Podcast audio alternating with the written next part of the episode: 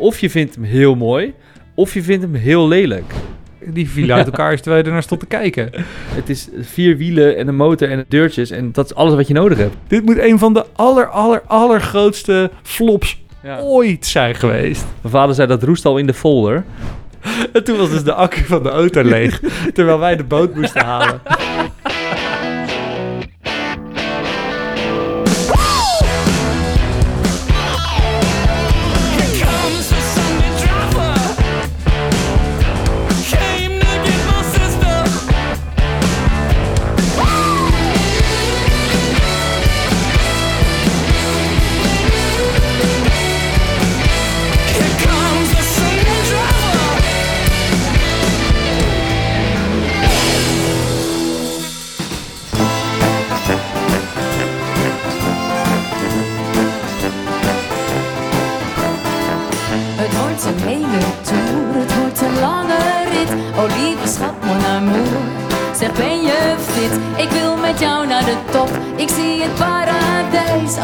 Tussenstop. En dan weer vlug naar Parijs.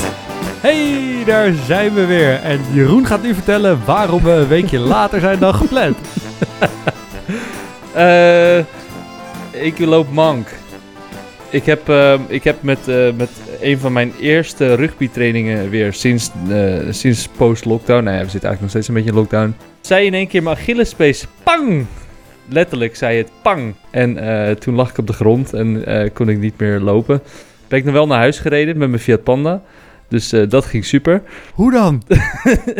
Ja, ik heb dus met mijn, met mijn hand heb ik mijn been bewogen. En dan heb ik zo gas gegeven. Nee, nee, nee, nee.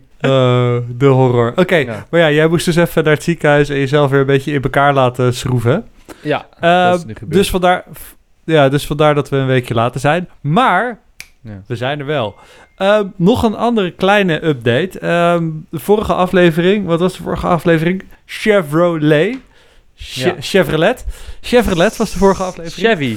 Ehm, Chevy. En daar zeiden we eh, tot de volgende aflevering, want die gaat over, Chrysler. over Chrysler. Ja, en Ja. toen zijn we ons een beetje in gaan lezen in Chrysler. Ja. En toen hadden we eigenlijk bedacht dat we er gewoon geen zin in hadden. Dus Chrysler is gewoon eh, niet echt een interessant merk. Dan, daar zijn betere merken. Dus, Ja, dus gaan we het over Citroën hebben vandaag, want dat is de volgende in de rij. jazeker.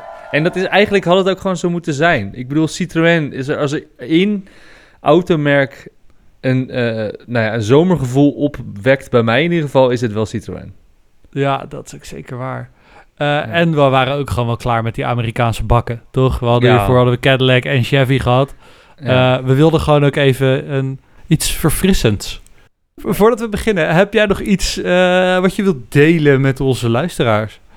Mm, nou ja, als, als mensen onze Instagram, Instagram een beetje volgen, dan, dan zien ze dat eh, ik ben daar nogal actief op. Eh, ook wel met jouw hulp natuurlijk. Wij, wij zijn daar actief aan het spotten en aan het lullen en aan het bullshitten. Eh, maar eh, daar had ik als laatste ook op. We zijn nu volgens Apple Podcast zijn we nu de top 6 ingedoken van de automotive podcasts van Nederland. Ja, Dus we zijn de, zesde best beluisterde podcast van Nederland. De autopodcast. precies. En binnen de categorie autopodcast stonden we één plekje onder de winecast, toch? Dus dit, ja. dit gaat hartstikke goed. ja, dus dat vond ik wel mooi. En eh, ik zou zeggen, bedankt alle luisteraars, lieve luisterkinderen. Laten we dan starten met een stukje, stukje nieuws naar de mensen toe, toch? Wat is jouw nieuws van deze twee weken? Deze drie weken zelfs. Deze drie weken, afgelopen drie weken, ik heb heel veel Ja. gezien. Er was een nieuwe Ferrari met een V6. Ik moest dan ga je denken met je Maserati-verhaal. Eh, die vond ik tof, maar die heb ik niet gekozen. Ik dacht, ja, weer dat gelul over die V6. Het is gewoon, die Ferrari is een Maserati, maar dan Ferrari. Nou, whoop-de-doo.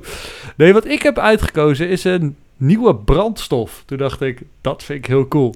Eh, er is namelijk op eh, IJsland zijn ze bezig om CO2 dat wordt uitgestoten door een vulkaan, om dat om te zetten in methanol en daar dan auto's op te laten rijden. En omdat dat CO2 is die anders gewoon de atmosfeer ingepompt wordt, is het dus heel goed om dat op te vangen en dat om te zetten in brandstof. Eh, en natuurlijk, die mafklapper van Koenigsegg heeft al, eh, heeft al gezegd, ja, dat lijkt me fantastisch. Ja. Maar ook Geely, eigenaren van Volvo, zijn ook geïnteresseerd. Dus ze gaan nu gewoon daadwerkelijk proberen om uit van een soort vulkaanuitbarsting om dat om te zetten naar, Hmm. naar brandstof voor auto's. En ze noemen het vulcanol. Het ethanol, maar dan vulcanol. Oh, wat kut. Maar volgens mij was het al zo dat ehm, IJsland... eh, die hebben volgens mij stratenverwarming of zo... om te zorgen dat het niet dichtvriest. En dat is volgens mij ook wel weer verwarmd door hun gijzers... door hun natuurlijke eh, energiebron ook weer. Tuurlijk, ze doen daar superveel met aardwarmte. Want ja, Ja. dat, eh, dat hele land staat op ontploffen 24-7. Dus als ze daar niks mee doen, zou het ook dom zijn. Eh, maar het feit dat ze dus van echt daadwerkelijk een uitbarsting van een vulkaan... Ja. Dat, ze daar, dat, ze, dat, dat ze die power willen harnessen... dat maakt Ja. ook wel goede branding, denk ik. Dat je auto Ja. rijdt op vulkaanuitbarsting. Maar goed, ik vond, ik vond dit Ja. cool. Ik dacht, ik, ik deel dit. Je kan er verder ook precies geen reet mee. Ehm, nou, dan komt mijn nieuws. Want ik kreeg hem vers van de pers van luisteraar Mark Studer. Dat, dat vind ik wel leuk. Die stuurde mij dus ook nieuwtjes door. En dit is echt eh, super hot. Namelijk, nee, Of trouwens, de pres. namelijk dat Rimac Bugatti overneemt van eh, Volkswagen. Dat vond ik wel echt sick nieuws. Dat is wel heftig, toch? Nou ik bedoel, ja. we, we hebben Bugatti eh, natuurlijk... Nou ja, we hebben, hebben het erover gehad. Miljardenverlies, eh, Bugatti Veyron. Ultieme sportwagen van eh, meneer Ferdinand Pierre.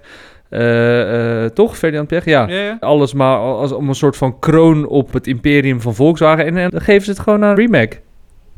Nou ja, we hadden het natuurlijk wel over in die podcast ook. Ja, wij vonden allebei de Veyron een veel iconischer auto dan de Chiron. De Chiron Ja. was gewoon ja, anderhalve Veyron. Nou, whoop die fucking do. Ja. Ehm, dus de vraag aan Bugatti was ook wel een beetje, ja, what's next? Mhm. Ze hadden het gedaan, ze hadden die, die, die grens hadden ze verlegd. Ja, en wat ga je dan doen? Hoe blijf je dan relevant? Dus op zich vind ik het interessant dat Rimac het nu heeft overgenomen. Nou, hebben ze het echt overgenomen? over? Met een, deze deal eh, eh, zal eh, Rimac een controlling eh, stake krijgen in Bugatti van 55%. Oké. Dus, Nou ja, maar dat geeft ze dus wel de mogelijkheid. Want Rimac is natuurlijk qua technologie zijn ze volgens mij super ver als het gaat om elektromotoren. Volgens mij maken Ja. zij de snelste elektromotoren en de beste accupakketten. Misschien Ja. niet vergelijking met Tesla of zo, maar ze zijn wel echt ver. Ja. Alleen ze hebben geen merkwaarde. Nee, Dus- ze, hebben geen, en ze dat- hebben geen legacy, geen heritage. Ze hebben geen, geen heritage. Dus dat nemen nee, maar dus dat kopen ze nu. En misschien is dat Ja. gewoon wel heel slim. En dan bouwen ze, wat je zei toch, 500 pk per elektromotor, 2000 pk in je Bugatti. Dan Ja. wordt de volgende Bugatti een elektro-beest van 2000 pk. Ja. Maar wat, wat dus wel interessant is, er zijn eigenaren van Rimac en één daarvan is Porsche. Ja, Porsche, heeft 15% eh, van de aandelen van Rimac. En Porsche is van Volkswagen. Ja, Hyundai heeft ook 11%. Kia heeft ook 2,5% in Rimac. Dus het is, het is een beetje weer zo'n rare constructie... wat je eerst al had van Porsche en Volkswagen. Weet je wel, dat Porsche owns Volkswagen... maar Volkswagen also owns Porsche. Hoe de fuck dat werkt, kan een of andere eh, eh, businessman me in de comments maar uitleggen. Maar... Dus dit was het ook weer zo, weet je wel? Volkswagen Ja. heeft weer, is weer eigenaar van Rimac... en Rimac is weer eigenaar van een merk van Volkswagen. Ja, maar, dat, maar precies dat bedoel ik. Dat, al, dat zowel Hyundai als Volkswagen als eh, Porsche als whatever Mhm. eigenaar is van Rimac. Dat geeft voor mij alleen maar aan dat Rimac een merk zonder ziel is. Dus ik denk Ja. dat ze nu met Bugatti hebben ze gewoon de hypercar ziel gekocht. Ja. Ja, kan dat? Ik denk dat dat wel kan. Ja. Maar wat ze dus wel zeggen, ze gaan het volgens mij wel dus als twee merken nog wel naast elkaar spelen, zeg maar. Dus het wordt niet zo dat, dat alle Remax nu Bugattis worden. Nee, dat zou ik ook zeggen. Maar ja, dan heb je straks de Bugatti, weet ik veel, elektro-beuker en je hebt de Rimac. Ja. Welke ga je dan kopen? ja, misschien als je Duitsers niet mag of zo. Of eh, Italianen of Ja. Fran- Fransen. Als je, een Kroaat, als je een Kroaat bent, ja ja, ik wil balen mijn eigen auto. Dan, moet je hem ook in rood-wit geblokt kopen.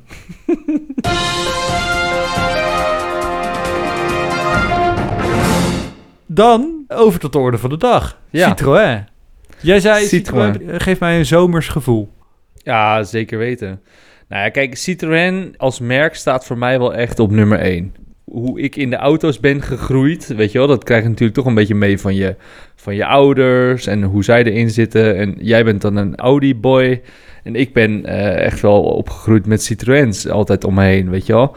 En wij gingen altijd vroeger zes weken op, of vijf weken op vakantie naar Frankrijk in de zomer. Dus we zaten gewoon altijd rondom de Franse auto's. Maar goed, ja, Citroën, is, ik vind het gewoon echt een gruwelijk merk. Ik weet niet waarom. Misschien omdat ze gewoon eh, best wel eh, innovatief zijn, omdat ze best wel scheid hebben aan dingen, omdat ze twee keer failliet zijn gegaan en toch nog bestaan. Spoiler alert. Citroën. Nou, ja, je zegt ik ben een Audi-boy. Eh, geen Zondagsrijders podcast is compleet zonder een verhaal over mijn vader. Ehm, Vader van Boris. nee, nee, mijn vader is namelijk sti- stiekem ook wel een, een, eh, een beetje een citrofiel. Of Waarom een francofiel. Waarom stiekem? Kom gewoon uit de kast. Nou ja, omdat hij dus daarna zijn, zijn ziel heeft verkocht aan die, aan, die Audi's... die stiekem gewoon wel lekker reden met een quattro. Nou. Uh, maar daarvoor heeft hij... eh, hij heeft twee Renault Nevada's gehad. Die vond ik zo tering vet. Ehm, dat is een hele grote Renault 21 Station. Daarna kreeg hij een nieuwe baan en toen mocht hij een, een, eh, nieuwe leasebak uitzoeken. En toen heeft hij dus een full options Xantia Station gekozen. Met eh hydropneumatische vering. Ja, met gewoon de hele fucking shebang. Hmm. Ja, Hmm. dat is wel Ja. lekker zweven. Zeker. En aan die auto heb ik ook wel goede, heb ik meerdere goede herinneringen. Eh, Mhm. Oké, ik, heb, ik heb een aantal goede herinneringen aan die auto. Ten eerste ben ik een keer eh, als kind door het achterraam naar binnen geklommen.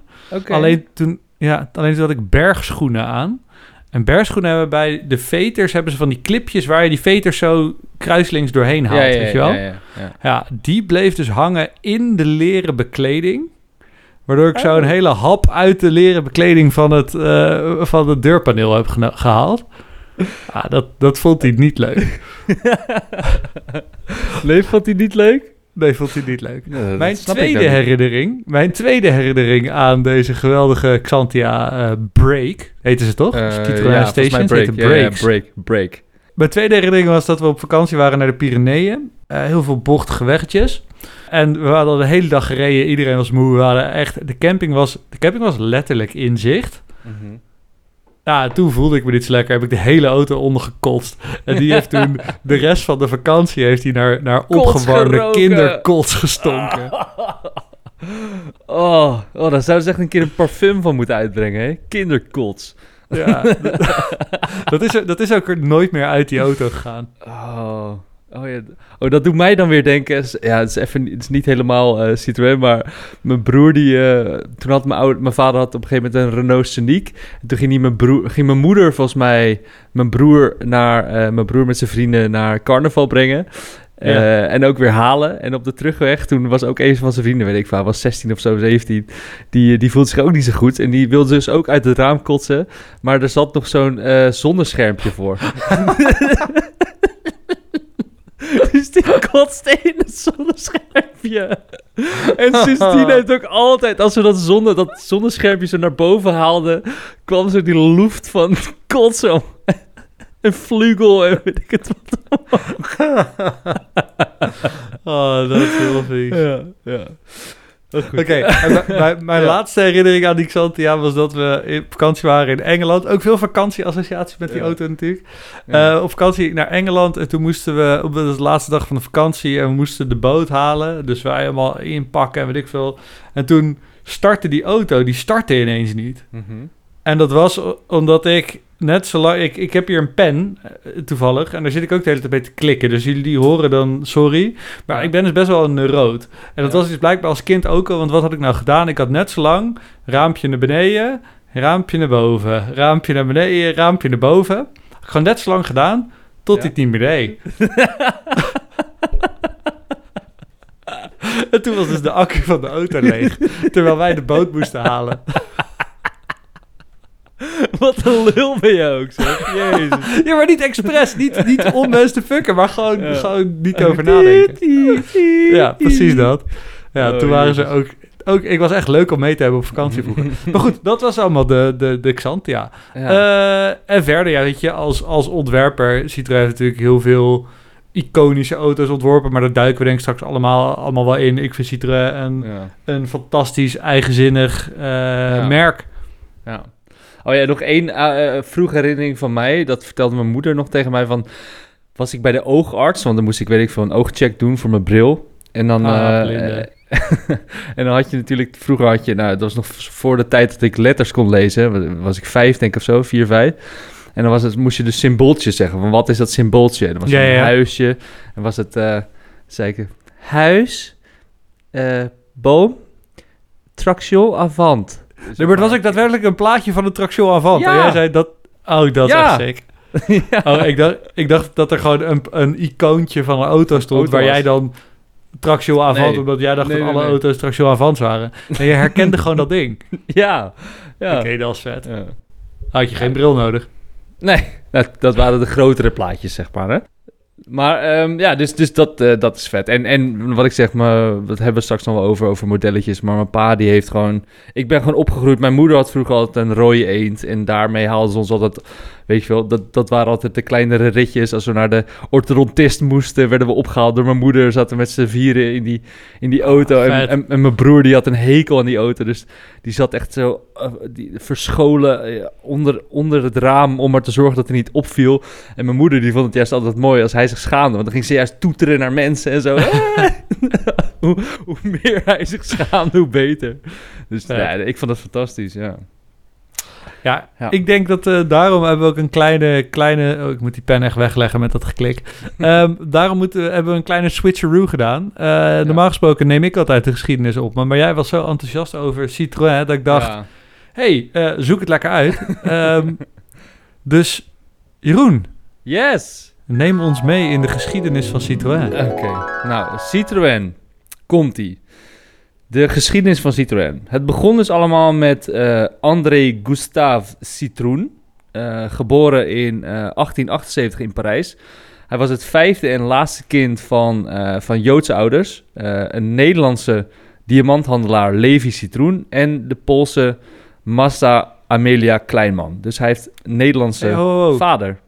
Diamanthandelaar Citroën, is dat van schapen Ja. en Citroën? Schaap en citroen is vernoemd naar Joost Schaap, Roelof Citroen en Barend Citroen. Levi Citroen is familie van Roelof en Barend. Ja, dus Nederlandse diamanthandelaar, vader Levi Citroen en moeder eh Mazda Kleinman. De familie Citroen verhuisde in eh, 1873 vanuit Amsterdam naar Parijs. En daar groeit dus ook André op. En het verhaal gaat dat de docenten op het lyceum waar hij zat, die puntjes op de E hebben gezet, omdat ze zijn achternaam niet snapten en niet wisten hoe ze het moesten uitspreken. Dus dat is I het feel- punt. I feel the pain. Ja, dus hij is echt eh, eh, het punt. Hij heet eigenlijk Citroen, maar dat snapten ze niet, dus dat werd Citroën. Dus het is best wel een eh, hele duidelijke, duidelijke link. Dat mensen Oen niet uit kunnen spreken, daar heb jij ook last van, hè? Tering. Jereon. Chereo, echt. Ik, heb jou, ik stuur je wel eens dingetjes door. Maar goed. Verder, de naam Citroen komt van zijn, van André Citroens overgrootvader, die in Nederland groenteboer en verkoper was van tropisch fruit. En eh, die had de achternaam Limoenman aangenomen toen iedereen in de tijd van Napoleon een achternaam moest hebben. En hij, Lim- limoenman. hij was dus Limoenman. Dus hij had Lekker. zichzelf Limoenman genoemd. Eh, maar eh André's opa, die was juweliersknecht. Dus die, die was een beetje een knaapje in een juwelierszaak. Die vond die naam eigenlijk maar niks, maar een beetje boers. Eh, en die heeft het dus veranderd in het chicere citroen. Oké. Nou ja, eh, André groeide dus op in Parijs. En hij was geïnspireerd door de verhalen van Jules Verne. En de bouw van die pilaar in eh, Parijs, die Eiffeltoren. Mhm. Hij wil dus ingenieur worden en gaat dan ook naar de Technische Universiteit van Parijs. In zijn studententijd, tijdens een vakantie bij familie in Polen in 1900, ziet hij een timmerman werken aan een, aan een set tandwielen met een soort visgraatstructuur. Dus eh, normale tandwielen, dat hebben gewoon tandjes. En deze tandwielen, die gingen in een soort van 90 graden hoek. eh, eh, zaten die. Nou, die tandwielen die waren, dus, die waren veel minder lawaaierig. En ze waren ook nog eens efficiënter dan normale tandwielen. Dus hij denkt, dat is handig. Nou, en voor een knaak en een krentenbol koopt hij vervolgens de licentie van het, van het patent, zeg maar, dat op dat moment in handen was van een paar Russen. En hij krijgt dus die uitvinding van die dubbele spiraalvormige tandwielen op zijn naam staan. Dus die Russen die zagen er niet zoveel markt in, maar Citroën wel. Die dachten, ja, dit, dat, dat is gewoon een verbetering. Dus in beter, hè? is beter. Dus in 1905, nadat hij eerst nog zijn universiteit, zijn studie afmaakt... en ook nog eens twee jaar diensttijd heeft gedaan... start hij dus met behulp van een bankier zijn eerste bedrijf... in eh, de industriële productie, productie van die tandwielen. En het mooie is dus, die tandwielen... die zijn dus ook de inspiratiebron van het dubbele chevron-logo van het merk Citroën. Dus die twee omgekeerde V'tjes, dat, dat zijn die tandwielen... waar die ooit eigenlijk als eerste rijk mee is geworden. Ja, dan in 1906, dus een jaar na het starten van zijn eigen bedrijf, wordt Citroën, die dus een ingenieur en industrieel is, directeur van Automobiel Mors. Dat is een, eh, een beetje zo'n standaard automobielbedrijf die, weet je wel, van die koetsen maakt zonder paard. Ja. Nou, in zijn tijd weet hij dat automerk van de ondergang te redden en de productie zelfs te vertienvoudigen. En hij leidt uiteindelijk die tent ook eh, van 1906 tot de Eerste Wereldoorlog in 1914. Oh joh. Dan eh, komt de Eerste Wereldoorlog. Anders Citroën heeft dan zijn tandwielenfabriek en je ziet een groot tekort aan granaten. Eh, dus hij start een granatenfabriek op, die op een industriële manier veel sneller kan produceren dan de concurrentie. Dus echt met ook een beetje lopende band principes. Ja, En zelf wordt hij er ook niet eh, echt slechter op, want de Franse staat die maakt er dus dankbaar gebruik van. Want die denkt van ja, jij kan gewoon supersnel granaten maken, eh, kom maar op. En dat bedrijf groeit dus ook echt als kool. En dat zal het uiteindelijk ook het startkapitaal zijn voor zijn auto-ambities. Nou, in de oorlog beseft André eh, Citroën dat als hij niet vooruit plant, dan heeft hij straks een moderne fabriek zonder product. En hij heeft dan dus al die ervaring in de auto-industrie bij Mors. Dus hij denkt, auto's moeten er gemaakt worden. En zijn visie is, dat is net, net als die van Henry Ford, die, eh, dat ook een inspiratiebron van hem is, massa Mhm. is kassa. Je moet een goedkope, degelijke, snel gebouwde auto hebben. Gewoon voor een lage prijs. ja hub, n- nummers, getallen, beuken. Yes. Nou, het resultaat is in 1919 de Citroën Type A, dat is de eerste auto. En die, eh, die wordt eigenlijk al vier maanden na het einde van de Eerste Wereldoorlog gepresenteerd. En het is de eerste auto ooit die in Europa van een lopende band afrolt. En daarom wordt eh, Citroën ook wel de Europese Henry Ford genoemd. Had hij dat afgekeken of zo? Of hoe, Ja. hoe wist Ja. hij daarvan? De eerste eh, T-Ford die is al uit 1907 geloof ik. Dus dat is Ja, echt al precies. Jaren daarvoor. Hij had het gezien, hij dacht, die lopende band, die kan toch wel eens heel groot worden? Ja, hij is zelfs langs geweest bij de fabriek. eh, bij Henry Ford. Nou ja, dan is er eigenlijk een hele grote tijd dat hij wel heel succesvol is. Maar dat dan, wat ik zeg, dat zijn allemaal van die eh, koetsen zonder paard. eh, allemaal van die T-Fords. Daar ga ik je ook verder niet meer lastigvallen. Lijken allemaal op elkaar. eh, wat wel interessant is, is eh Citroën's gevoel voor marketing. Zo gebruikt Mhm. hij tussen 1925 en 1934 de Eiffeltoren als een grootste reclamebord ter wereld voor het merk Citroën. En Mhm. eh, dus die letters zijn iets van 25 meter groot en verlicht. Eh, en dat, dat is wel op 40 kilometer afstand is dat gewoon te zien, die letters, zo Citroën omhoog. Lijkt me best wel gruwelijk om dat gezien te hebben. Nou ja, ook sponsorde hij in eh, de jaren 20 en 30 expedities naar verre continenten, zoals Afrika en Azië, om de robuustheid van zijn auto's eh, eigenlijk aan te tonen. En daarvoor bouwt hij dan trucks om, zodat ze aan de achterkant rupsbanden kregen, eh, zodat Ja. ze dan makkelijker door onherbergzaam terrein kunnen crossen. Ook was hij een van de eerste die eh crashtest deed met zijn auto's als soort van marketing stunt. En wat hij dan deed, hij gooide ze gewoon van een cliff af. En, eh, en dan liet hij zien dat die constructie, die staalconstructie, gewoon nog prima was. En eh, sommige modellen kon hij gewoon ook gewoon mee verder rijden. Nou ja, dat Ah is, ja. Je moest alleen zorgen dat je er niet in zat waarschijnlijk. Nee, nee. en dan komen we aan in 1934 Ja. bij een hele belangrijke auto voor Citroën en eigenlijk voor de hele autowereld, namelijk de traction avant.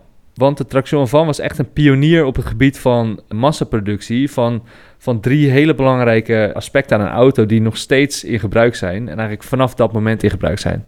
Eén, eerste is de monocoque. Dus dat je Mhm. niet meer een los chassis en eh, eh, carrosserie hebt, maar dat het één harde, stijve vorm is. Gewoon één grote, eh, ja, hoe zeg je dat? Een stijve monokok. Een soort cocon. Koets.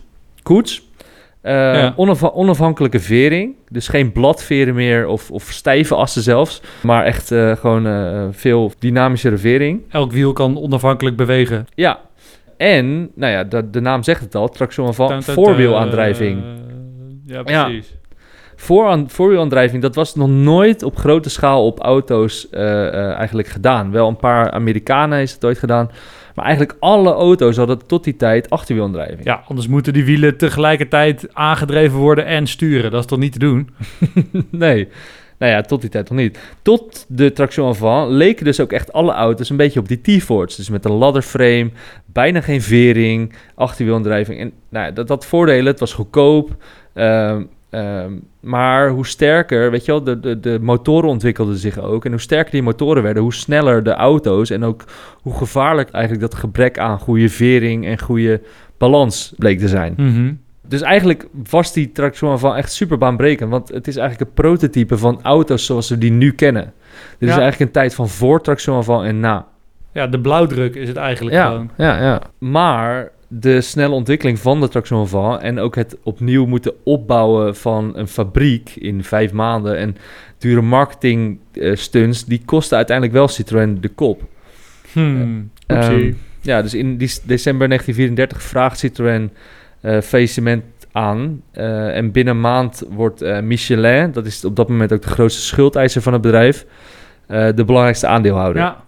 En belangrijke persoon, Pierre-Jules Boulanger, die wordt de vo- nieuwe voorzitter van de raad van bestuur. Vanuit eh, Michelin komt hij. En hij wordt ook een beetje de grote saneerder. Mhm.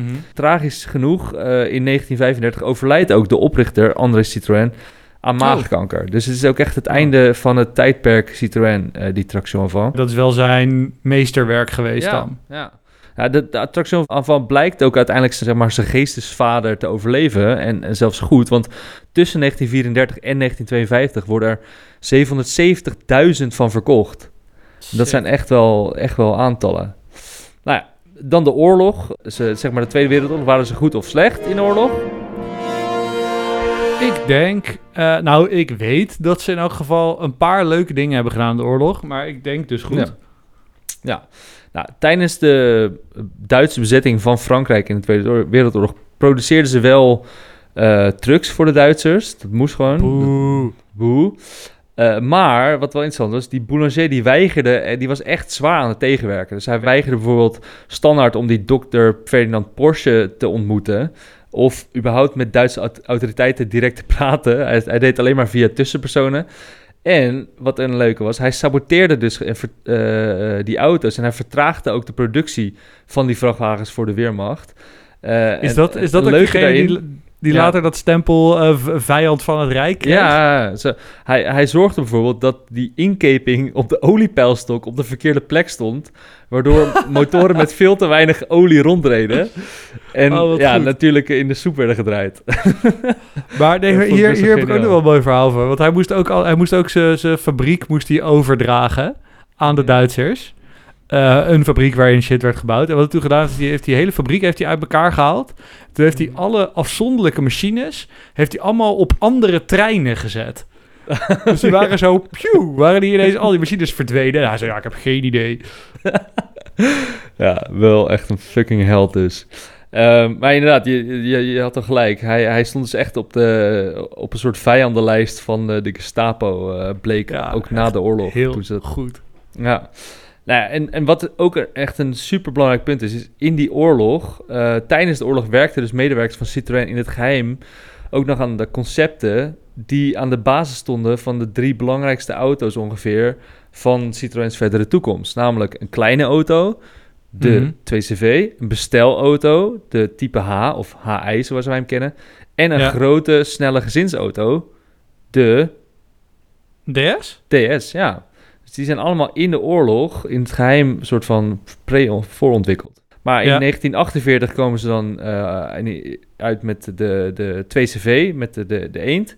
Die gaan we Ja. straks wel behandelen. Nou, dat was, bleek natuurlijk een mega klapper te zijn. Die is van 1948 tot en met 1990 geproduceerd. Er zijn er 5.144.000 van eh, geproduceerd. Mega eh, succes, de, dat, daar hebben we het zo over. DS werd in 1955 geïntroduceerd. Dat was die eerste auto die, die ja, klinkt een beetje eh, nerdy, maar die hydropneumatische veersysteem heeft. Dus dat je met lucht en met, wat is het? Water of Vloeistof. olie, vloeistof kun je, kun je daar je, kun je veren. Dat, zeg maar het begin van het vliegen, vliegend tapijt era. Ja, maar het Ehm, is niet, het is een, niet een Amerikaans vliegend tapijt, maar een slim vliegend tapijt. Ja, Een, een, Ja. een engineering marvel vliegend tapijt. ja, zeker. Die DS was ook echt een mega succes. Er werden van 1956 tot 75 anderhalf miljoen van, van gemaakt. Die DS is zelfs zo iconisch in een belangrijke wedstrijd. In 1999 werd hij derde in een competitie van auto van de eeuw. En dat hydraulische eh, veersysteem, dat zou ook de basis vormen van zoveel Citroëns daarna nog. Zoals de, dus de Ja. DS, de SM, de GS, de CX, PX, XM, Xantia, C5 en C6. Dat is allemaal daar begonnen. Ja, Ja. dat is allemaal daar begonnen. Hydropneumatische vering, punt, klaar. Ja, ja. Ehm, nou, ja, in de jaren 60, dan, weet je wel, dan hebben ze eh, leuk succes gehad met DS en de, die HI en de 2CV. Ja, dan denken ze, shit, wat, wat gaan we nu doen? Ik weet het. Er waren een paar problemen. Ze gaan kutauto's maken. ja, nou, het probleem was, eh, wat, er, wat er altijd wel een beetje speelde, was dat eh, het ontbreken van een echte middenklasser. Dus eigenlijk zou je het... Ze hadden een beetje een bizar modellengamma. Namelijk, ze hadden aan de ene kant de 2CV en de AMI. Eh, en aan de andere kant hadden ze dan de DS en de ID. Dus ze hadden een beetje een soort van ultra basic en een soort beetje een Jaguar concurrent. En daartussen zat gewoon echt niks. Terwijl daar wa- was het geld wel te verdienen. volume. ja, Dat was de nieuwe volume, was dat. ja, volume Dat en ook- marge. Ja, maar dat was ook wat Volkswagen had. Die had de kever. Ja, oké, maar er moest iets nakomen. Ja. ja, en die had dan gelukkig de Golf. Maar Ja, eigenlijk heeft Citroën gewoon altijd problemen gehad om, om, om de Golf te bedenken. ja. Tweede grote probleem was het ontbreken van een sterke motor voor exportmarkten. En dat was wel echt een interessante, want dat wist ik zelf helemaal niet. Namelijk het belastingstelsel voor auto's op basis van paardenkrachten van na de Tweede Wereldoorlog in Frankrijk was super progressief. Dus eh, voertuigen met een cilinderinhoud van meer dan 2 liter, later werd het tw- 2,8 liter, werden echt Mhm. mega belast. Oh, daar waren ze vroeg bij. Ja, dus met als gevolg dat ze dus allemaal een beetje eh, ja, kleine motoren hadden. En eh, ja, in die tijd, weet je wel, kom daar maar eens mee aan in Amerika. Dan denk ik, ja, eh, keer, Duitsland. maar, keer maar weer om met je boot. Ja, Duitsland ook. Nou goed, het gevolg was dus dat ze in Frankrijk eh, gemaakte auto's buiten Frankrijk gewoon eh, niet als, als niet sterk genoeg werden beschouwd. Nou, dan gaan ze dus daar als antwoord daarop gaan ze een paar dingen doen om het tijd te proberen te keren. In 1964 komt er een naam die mensen die de Audi-aflevering hebben gehoord eh, bekend voorkomt. Namelijk gaat Citroën samenwerken met NSU Motorenwerken Ja, ja, ja. om een wankelmotor te produceren. Ja, Jeroen. Je, Ja. je bent echt, je bent op een feilloze wijze al het gras voor mijn voeten aan het wegmaaien. maar ga vooral, ga vooral verder. Nou ja, maar het, het is dus wel interessant om de voorgeschiedenis. Want voor Citroën betekent dit namelijk de kans om het Franse systeem te omzeilen van eh, eh, eh, zeg maar grotere literaantallen die belast werden. Dus, want dan konden ze namelijk, zeg je dat? Lagere cc's, maar wel met veel pk's. Dat was een beetje het idee Mhm. waarom ze daarin geïnteresseerd waren. Nou, en die eerste motoren, die haalden ook echt wel veel meer pk's uit minder liters. Dus er was een wankelmotor, die haalde uit 1 liter motor haalde die 106 pk, terwijl een standaard GS er 55 pk uithaalde. Nou ja, maar goed, uiteindelijk bleken die, die motoren gewoon super onbetrouwbaar. Mag ik daar dan nog... Want ik had, Ja? ik had deze heb ik uitgelicht bij de memorabele modelletjes. Maar ik dacht omdat we nu toch zo diep op die wankelmotor ingaan. Ja, Ze hadden dus inderdaad die, eh, die GS birotor, heette die dan. De Ja. rotor van de wankelmotor. Mhm. Ehm, even wat fun facts over die GS. Die Mhm. was dus net zo duur als een DS. Oh ja. Eh, en, de- en die was bijna twee keer zo duur als een normale GS. De fuel economy was slechter dan die van de DS. ja. Hij was duur om te rijden. Hij was super onzuinig. Hij werd gelanceerd aan het begin van de oliecrisis. en hij is uiteindelijk van de markt gehaald na nog geen 900 auto's verkocht te hebben. Sterker nog, er waren zo weinig auto's verkocht dat Citroën nog zijn best heeft gedaan om alle verkochte auto's terug te halen, zodat ze dus ze niet hoefden te onderhouden Oh met ja. reserveonderdelen. Zo slecht heeft dat ding gepresteerd. Dit moet echt één, ik las het, ik had echt, vond het fantastisch. Dit moet een van de aller, aller, allergrootste Fouten. flops Ja. ooit zijn geweest. Ja. Echt fantastisch. Dus GS birotor, wat een ding. En Goed, ga verder. Nou, dat was in 1964 dus. En 1965... Nee, ja? 73. Nee, in 1964 beginnen ze met die NSU. Ja, oké, oké, oké. In 1965 neemt Citroën, eh, misschien ken je het- de naam wel, Panhard over. Ja. Eh, en dat is ook weer in zijn hoop om eh, zeg maar die kennis over het bouwen van middelgrote auto's, om dat zeg maar te kunnen gebruiken. Mhm. Nou goed, en dan in 1968 koopt Citroën het Italiaanse sportwagenmerk Maserati weer, ook weer, in de hoop om een krachtigere, maar wel kleinere motor te kunnen maken. Goed idee. Niet zo'n goed idee, maar hier kwam wel dus de SM uit. Ja. Ehm, met een, eh, een, een, een V6 Maserati motor, eh, maar wel met hydropneumatische vering. Maar goed, de investeringen voor dat... Ja, maar dat model, dat, eh, die SM is eigenlijk een soort van DS Coupé, zou ik hem noemen, denk ik. Eh, Ehm, eh, valt het voor te zeggen. Maar goed, die investeringen voor het model, die waren zo hoog, zeg maar, die kon je alleen maar terugverdienen als het volume zou krijgen van een DS. En Ja. die kon je nooit terugverdienen met die kleine aantallen voor een sportwagen. Ja, ook niet echt, niet eens echt een sportwagen, toch? Ja, het wel een sportwagen, maar ook weer niet. Het was geen Ja. Ferrari. Nee, dat niet. Maar goed, dus die, hadden ze echt mega veel in geïnvesteerd. Nou ja, dan in 1968 ook verkoopt eh, Michelin, meerderheidsaandeelhouder van Citroën, gedwongen door de oliecrisis onder andere, eh, zijn Mhm. belang van, 44, van 49% aan Fiat. Dus Fiat is, eh, is een tijdje best wel groot aandeelhouder geweest van Citroën. Ik wist niet of je dat wist. Ik, ik dacht Peugeot. nee, nee, We nee. hebben ik- zij het weer aan Peugeot verkocht. nou goed. Kijk, wat modellen betreft begonnen de jaren 70 eigenlijk best wel heel best wel goed. Want Citroën heeft met eh, de lancering van de GS eh, eindelijk dus wel een auto die die kloof tussen de 2CV, dus de Eend en de DS, Ja. op kan vullen. Eh, met een zeg, nou, hydropneumatisch geveerde auto, maar wel met de 1 liter motor. Ja. Eh, en die GS die gaat dan ook echt 2,5 miljoen keer de toonbank over. Echt een mega succes eigenlijk. Ook in Zuid-Amerika en zo, toch? Ja, In dat soort landen doet hij het ook echt goed. Ja, en, en ook die oudere modellen, die blijven goed verkopen. Want de, de piek van verkopen van de DS bijvoorbeeld, die is in 1970. En de piek van, Ja. de, van de Eend is in 1974. Ja, echt 20 jaar na dato. Ja, en dat komt mede door de oliecrisis, die in één keer de noodzaak van dus wat zuinigere modelletjes in één keer eh, ja, wat, wat hoger maakte. Dus dat is best wel En, interessant. glo- en globalisatie ook, toch? Want dat zijn ook de jaren dat, dat de wat armere landen wat meer in ontwikkeling komen. En die gaan dan ook aan de auto. Ja. En ja, wat koop je dan? De, de Kever is ook super populair in Zuid-Amerika. Ja. Maar dan gaat het fout. Want in 1973 verkoopt Fiat haar aandeel weer van 49% eh, in de holding dan die Citroën bezit. Ja, ja. Terug aan Michelin. Want ze zagen toch het voordeel niet echt van, eh, van synergie, fusie. Dat, dat, Ja. dat, dat werkt uiteindelijk toch niet. Maar goed, Michelin dacht, ja, wat moet ik met een automerk? Ik maak banden. Ga weg, weet je wel. ja. Eh, dus dat gaf superveel onrust ook in het management van wat gaan we doen. En, nou, en dan krijgt Citroën ook nog eens een financiële klap door de energiecrisis van 1973. Eh, nou, de gok met de wankelmotoren, die loopt fout. Fucking veel geïnvesteerd in Maserati. ja, ja, het kopen van Maserati faalt compleet, want de motoren die zij maakten waren helemaal niet zuinig. Kijk, ze waren misschien wel klein, maar zuinig totaal niet. Nou ja, en benzine was er niet door die energiecrisis. Nou ja, Echt super. Uiteindelijk hebben we dus die wankelmotor, eh, zeg maar het 15 jaar niet hebben van een, van een auto in het middensegment. En die enorme ontwikkelingskosten van en de nieuwe Citroëns en die Maseratis. Dus denk maar aan de Bora, de Marek, de Kamzin. Ja, dat heeft ze uiteindelijk dus de das omgedaan. Dat Eh, waren ook waardeloze auto's allemaal, hè? Ja, nou ja, op zich met zo'n middenmotor, best wel vet, toch? Ja, wel, heel vet. Ze waren vet. Ze waren Ja. ook mooi. eh, Ja. Maar volgens mij verschrikkelijk. Die vielen uit elkaar als terwijl je ernaar stond te kijken. Ja, dat was ook echt volgens mij een tijd, dat heb ik hier niet genoemd, maar er was ook echt een tijd dat ze echt van het schrale, gerecycled staal, dat was in, in één keer een soort van, eh, ja, duurzaam iets of zo, maar dat gerecyclede staal, dat, dat, nou, dat, dat roest al, mijn vader zei dat roest al in de folder. En, ja, eh, precies. nou ja, In de fabriek. Ja, Citroën ging dus uiteindelijk 40 jaar na het faillissement door de Traction van weer failliet.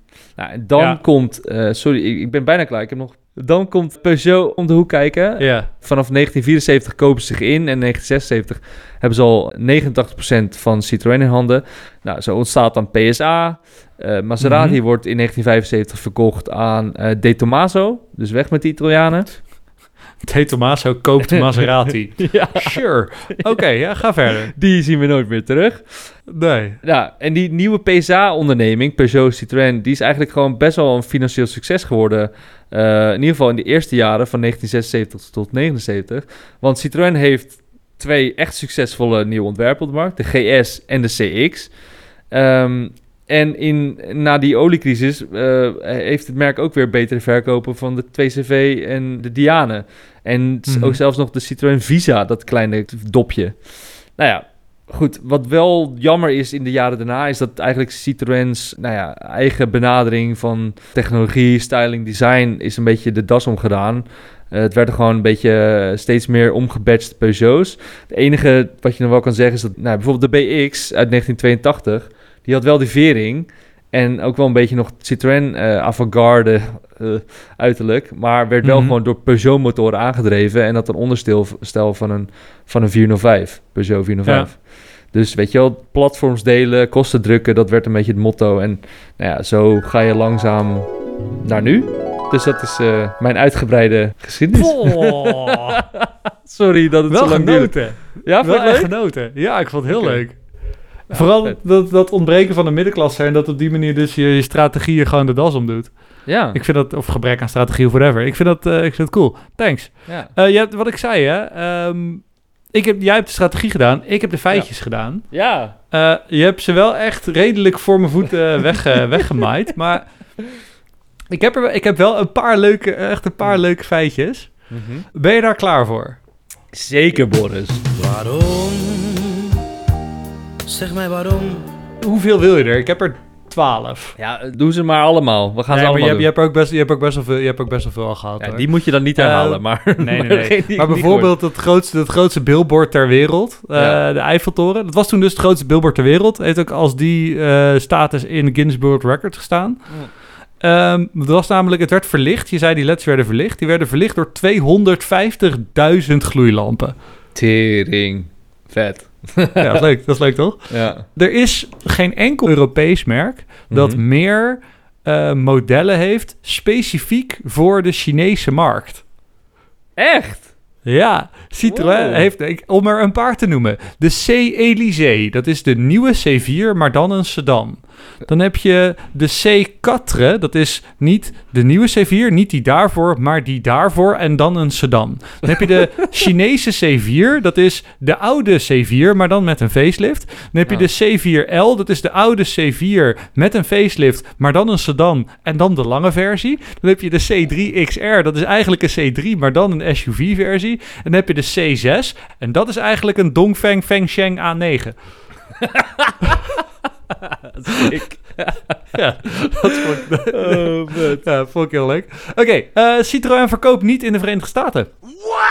Nee, klopt. Dat wist ik. Weet je waarom niet? Ik weet wel hoe het begonnen is, door de SM. Ja, Toch? dat is inderdaad, nee, maar dat sindsdien dus niet. Ze wilden de SM naar, eh, naar Amerika verplaatsen. Eh, toen zei Amerika, ja jongens, wat de fuck is dit voor apparaat? Ja. Zes koplampen, daar doen we niet aan. En ze hadden toen net inderdaad ook eh, al die regelgeving aangepast. Dus Citroën, Ja. nou oké. Toen hebben ze dus een SM gemaakt met vier koplampen. Eh, Ja. Daar heb ik een plaatje van. Nou, dat ziet er niet uit. Nee. Ehm, en toen zeiden ze, oké, is dit dan goed? Toen zeiden ze, wat de fuck hebben jullie met de vering gedaan? Ja. Ja, gewoon eh, hydropneumatisch. Toch vet? Ja, nee, flikker op. Eh, dus toen mochten ze vanwege de vering alsnog niet importeren. En toen heeft Citroën gezegd, nou, dan zak je er maar in. En dat is ook Ja. een van de redenen dat die SM zo slecht verkocht. Want die SM was mede ook gepositioneerd om het goed te doen in Amerika. Ja, jammer. Ja. Nou, dat vond ik, een- vond ik een mooi weetje. Nou, dan heb ik nog een mooie. In 1962 ging president Charles de Gaulle naar Mhm. Algerije. Hij gaf Algerije onafhankelijkheid in 1962. Oh ja. En toen was er een groep, een Franse boze groep, en die was heel boos. En die dacht, weet je wat, we gaan hem vermoorden. Mm. Dus eh, president Charles de Gaulle die reed in zijn Citroën DS, want dat was toen staatsauto, door de straten. Die werd onder vuur genomen. Alle vier de banden lek. Ja. En het is dus alleen door de hydropneumatische vering dat hij eh, genoeg ground clearance kon hebben om ja. gewoon weg te rijden.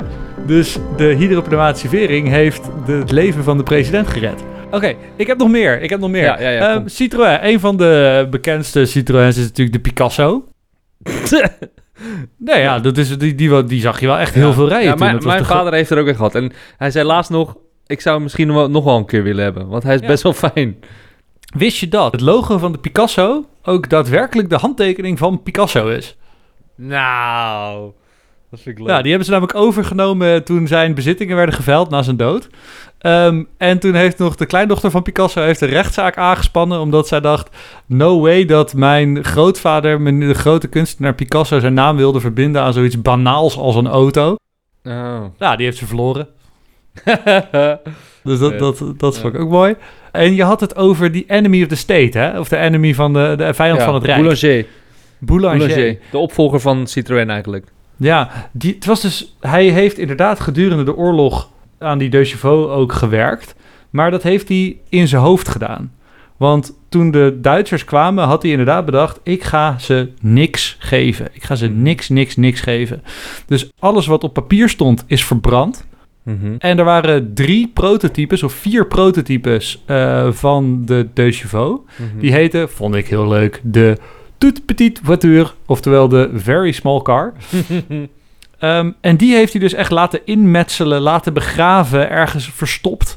Eh, en dat heeft hij zo goed gedaan dat er in 1994 nog drie van die prototypes zijn gevonden. Dus dat is 50 jaar later. Vet. Dus dat is een, een- inderdaad in, in de basisvorm een 2CV, maar dan met een ribbelkap en één lamp, toch?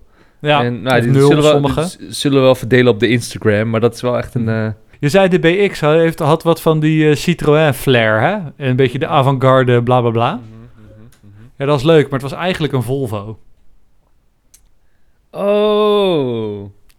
De Citroën BX was een afgedankt ontwerp van, uit mijn hoofd, Giugiaro. Misschien worden er nu mensen heel boos. Volgens mij Bertone. Bertone, Bertone. Bertone. Bertone, Bertone. Bertone, 100%, je hebt gelijk.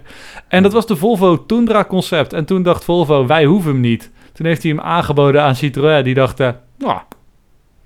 En die hebben hem toen bijna ongewijzigd in productie genomen. Dus dat was eigenlijk een Volvo. Heel vet. Ja, heel cool. Heel Met cool. klapkoplampen. Heel cool. Ja, eh, eh, ja. Dus eh, de Citroën BX, voor sommigen een iconische Citroën. En was hij natuurlijk ook wel met de hydropneumatische vering. Dus die kon ook heel ver zakken. Maar het was eigenlijk een Volvo qua styling. Nou, eigenlijk was het gewoon een eh, Bertone. Maar hij was eerst gepresenteerd als Volvo. Oké, interessant. Nou, ik vertel nog eens wat, joh. Jezus. Nee, ik vind het interessant. Oké. Dude, wij hebben ook BX'en gehad. Mijn vader heeft nog een keer een, een, een, een schuifdak gezaagd in zijn BX-break. Ja. Nou, tot zover. Ik Ja. hoop dat je de feitjes leuk vond. Ik heb echt mijn best gedaan, Jeroen. ja, ik vond het zeker, zeker vet. Vooral ehm, eh, de Volvo vond ik heel vet. En, ehm, nee, en de Chinezen. De Chinese. Weet jij waarom de CX zo heet? Nee. Ja, dit is echt vet. Hij was dus zo aerodynamisch dat ze hem de naam hebben gegeven. eh, de, de eh, hoe zeg je dat? Natuurkundige naam voor eh, luchtweerstand. Drag. C tot de x de macht. CX. Nice. Oké, mooi. Ja, vind ik goed. Dankjewel. Oké. Oké. Waarom? Zeg mij waarom? Dan gaan we nu gaan we even rustig een paar eh, iconische modelletjes doornemen. She's a model and she's looking good. Ik laat iets zien en dan mag jij zeggen wat je ervan vindt. Zie jij wat ik zie? Ja. Oké, Ja. let op. Ik zag hem al. Ja. Oh.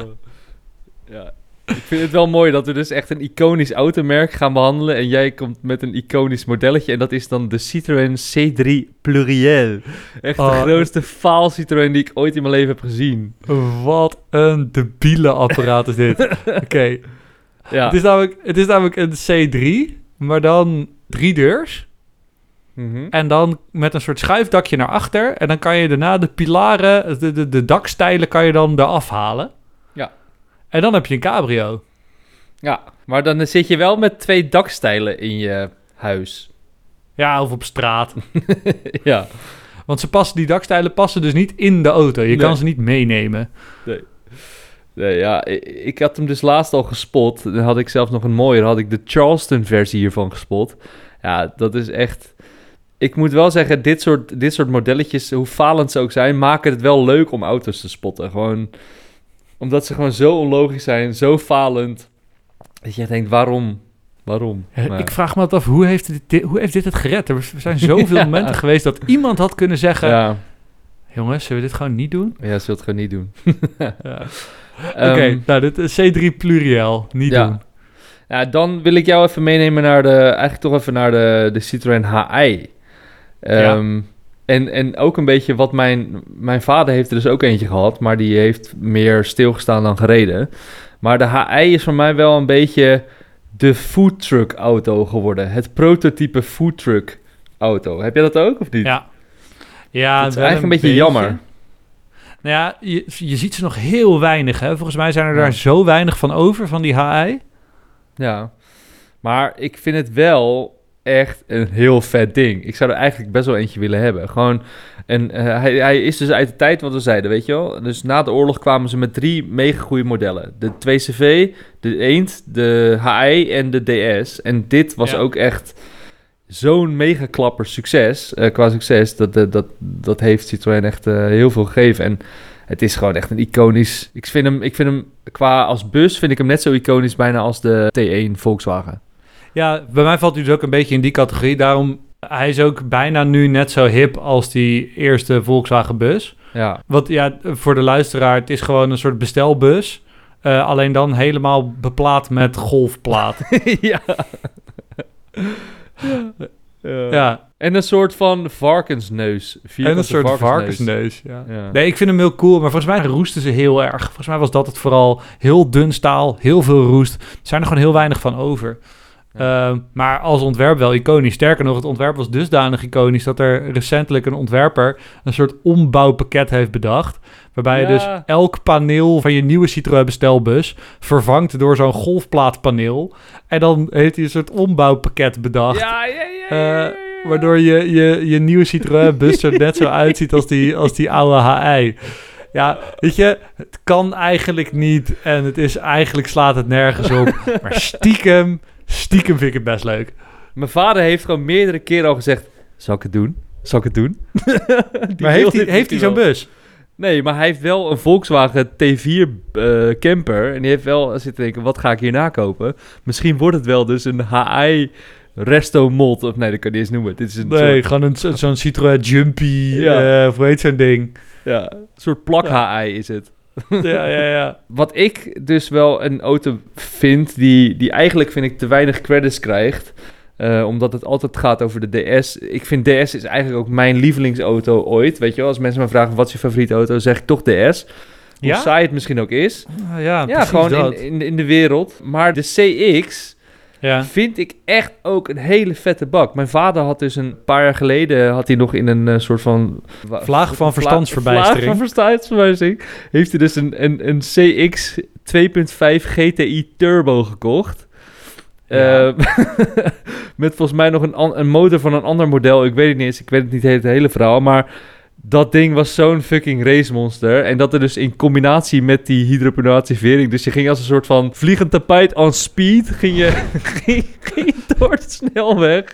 Over de snelweg. Ja, ik, ik vond Maar dat ding moet toch, moet, toch, moet, toch, moet toch een body roll hebben gehad van heb ik jou daar? Ja, ja, Als je een beetje een bocht nam, joh, dat, dat vliegt toch alle kanten op? Ja, dat kon ook echt niet. En het, maar goed, ik vind het echt een heel vet... eh, en eigenlijk is die, die CX dus ook, denk ik, de directe inspiratie geweest voor de Citroën C6. Als je echt goed kijkt, dan zie je de meeste overeenkomsten tussen die twee modellen. Het achterruitje, eh, de, het hele zijprofiel. Citroën heeft altijd een soort gek topzwaar modellengamma gehad. Dus er was eigenlijk altijd één hele grote Citroën die eigenlijk nergens op sloeg, maar hij was er wel. En dat is eigenlijk begonnen met de DS. En later dus inderdaad met de, met de CX, daarna met de XM en daarna met de C6. Het waren eigenlijk allemaal modellen die niet echt ergens op sloegen. Nee. Ehm, maar die wel gewoon heel vet waren. En ik ben met je eens, die CX, dat zie je nu terug in die C6 ook. Eh, zeker aan profiel zie je het heel goed. Ja. Als je hem van de zijkant bekijkt. Ja. ja, heel cool. Ja, heb jij nog een modelletje die, eh, die we nog niet Ehm, hebben behandeld? Nou ja, jij, had het over de DS. Ik wist dus helemaal niet dat ze daar ook mee gerallied hadden. Ah ja, ja, zeker. Ja. Daar hebben ze dus mee gerallied en nog wel enigszins succesvol. Ze hebben twee keer Monte Carlo gewonnen. Eh, en ik heb het even opgezocht. Daarvoor hadden ze dus een... eh, ik, heb, ja, ik had hier een plaatje cool gevonden. Ja, ja, ik had hier een plaatje gevonden. Maar er zijn dus gewoon rally DS. Sterker nog, degene waarmee ze eigenlijk gewonnen hebben, waren coupé-versies. Dus die hadden maar 3 Wow. euro. Heel Ja, dat, cool. vo- dat vond ik heel tof. Ehm nou ja, de DS, ik persoonlijk, ik, ik vind het, hij is prachtig mooi en de techniek is geweldig en het zal heerlijk rijden. Ik vind hem gewoon niet zo interessant. Nee? Het, nee, Oh, het is een beetje als de mooiste, de mooiste vrouw ter wereld. Ik weet niet eens wie het tegenwoordig is. En dan denk ik, ja, Ja, maar dat, is, dus, maar dat is dus grappig, want eh, de, deze, het staat helemaal niet zo vast dat het de mooiste auto is. Want het is juist een heel erg controversiële auto. Of je vindt hem heel mooi, of je vindt hem heel lelijk. ja, ja oké. maar ik denk als een beetje autoliefhebber kan je hem niet heel lelijk vinden. Ja, nou ja. Kan jij, kan jij mij het verschil uitleggen? Want dat heb ik nooit begrepen. Waarschijnlijk omdat ik gewoon niet geïnteresseerd was. Het verschil Hmm. tussen een DS en een ID. ID is een, een goedkopere eh, DS. is een, ba- een soort basis, meer basismodel. Eh, die had namelijk volgens mij wel de vering, maar niet... ehm, wat was het ook weer? Die had niet... Je, je had een heel systeem van dat de remmen ook Ja. aangestuurd werden met die olie. Dat had die dan niet. Die had alleen maar de vering. Dus een beetje net als de eend. Die heeft ook alleen maar de vering. Zo, volgens mij was het zoiets. Over de eend de eend. moeten we het toch ook even over hebben? Ja. Ja, Ehm, kijk- het, het systeem erachter bedoel je. Nou, kijk, het systeem. Ik, ik heb het, waarom ik de Audi A2 zo vet vind. Vier Ja. man, drie liter diesel van Stuttgart naar Milaan. Ja. Eh, gewoon auto's die ontworpen... De, de Volkswagen Phaeton, eh, ga ik nu niet vertellen... maar die heeft, Ja. schijnt ook zo'n lijstje gehad Ja. te hebben. En daar was de Eend natuurlijk wel een van de eerste in. Een soort doelmatig, doelmatig ontwerp. ja. Eh, vier man met 50 kilo aan boerderijgoederen... Over al dan niet verharde wegen met 50 km per uur. Daarnaast moest hij een mand eieren over een vers geploegd veld kunnen rijden. En niet meer dan Ja. 3 liter per 100 kilometer. Ja. Dus dat is Zeker. stiekem even zuinig als die, als die nieuwe Audi, eh, Ja. Audi A2. 's. En eh, het, Ja, ga- dat verhaal gaat zelfs, het verhaal gaat zelfs dat ze ook... Hij moest ook de mogelijkheid bieden om een schaap in de auto mee te nemen. Dat was ook nog een vereiste. Nee, die wist ik niet. Toch weer schaap en citroen. Ja, dat vind, ik, dat vind ik grandioos. Verder moet ik ook zeggen, ja, dat is eigenlijk wel gek hè. Ik heb met de eend ook niet zoveel, maar ik heb met de kever op zich ook niet zoveel. Maar dat is denk ik omdat ik de Deux Chevaux gewoon niet zo mooi vind. Ik vind het gewoon Nee? esthetisch niet zo... Nee. Nee. Ja, ik denk, ik denk dat het, het groeit op je of zo, weet je wel. Zo'n beetje cliché te noemen. Kijk, ik ben er ook mee opgegroeid. Ik heb altijd in die auto gezeten. Ik vind het fantastisch. Gewoon de hele ervaring door die bochten zweven. Het, het, het, het tweetakt geluidje. Eh, het dakje heel makkelijk open kunnen doen. Naar het strand rijden, lekker naar Noordwijk.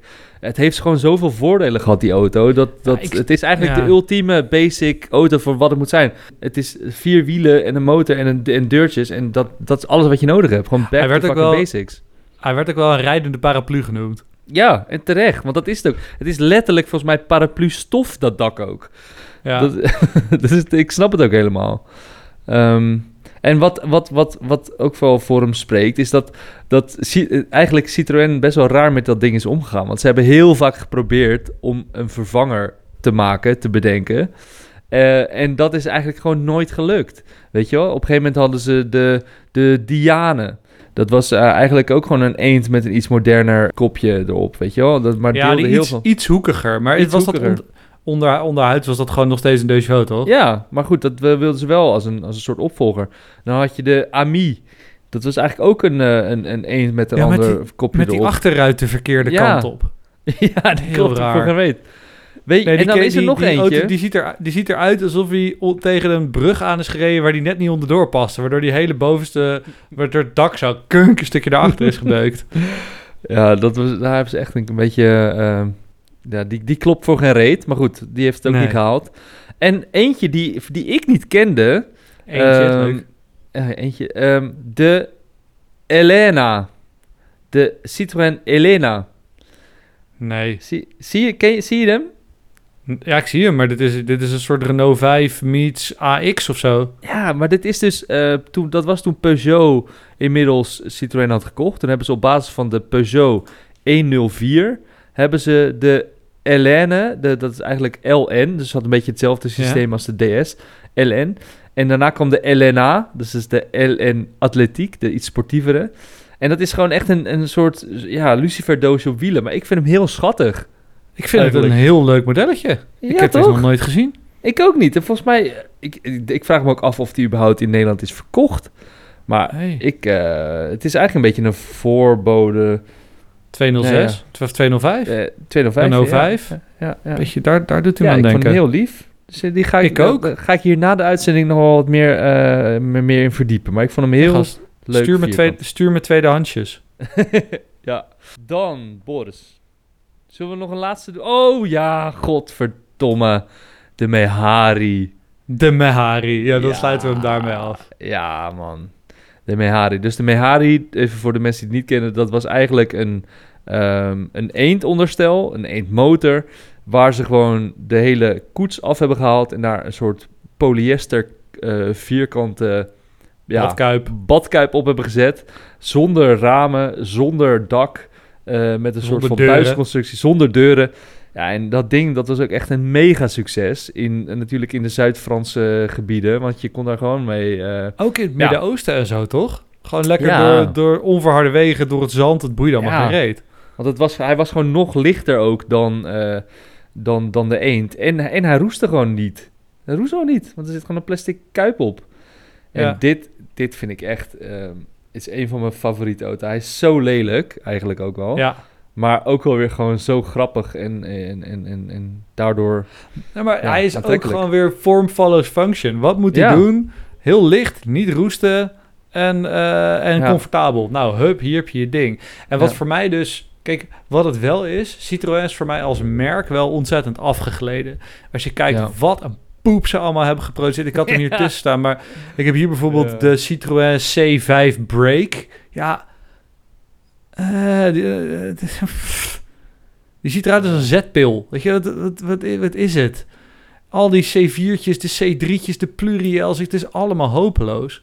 En Ja. ze hebben dus van die Mehari hebben ze dus ook weer geprobeerd om nog een soort nieuwe versie te maken. Ja, ja, ja, ja. Een nieuwe Ja. elektrische Mehari. En het is gewoon een Ja, sorry, maar het is gewoon een... Dit is toch niet veel beter dan een Pluriel? Dit is gewoon Nee. eigenlijk in hetzelfde categorie. Vind- bijna.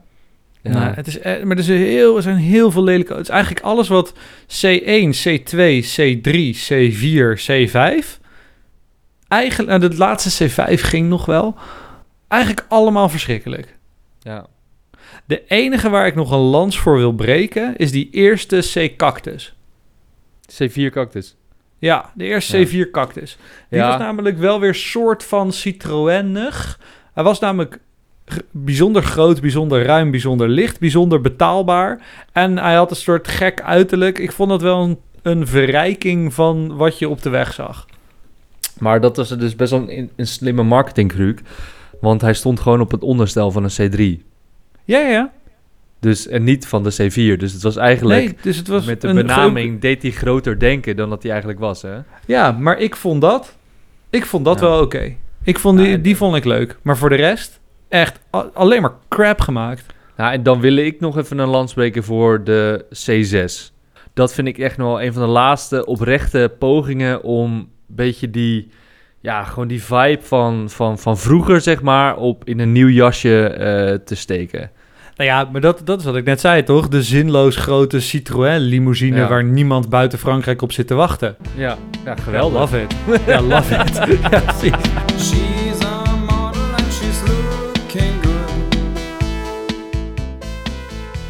Goed. Ehm. Ja, ik, ik dat- denk dat... dat- we- ja?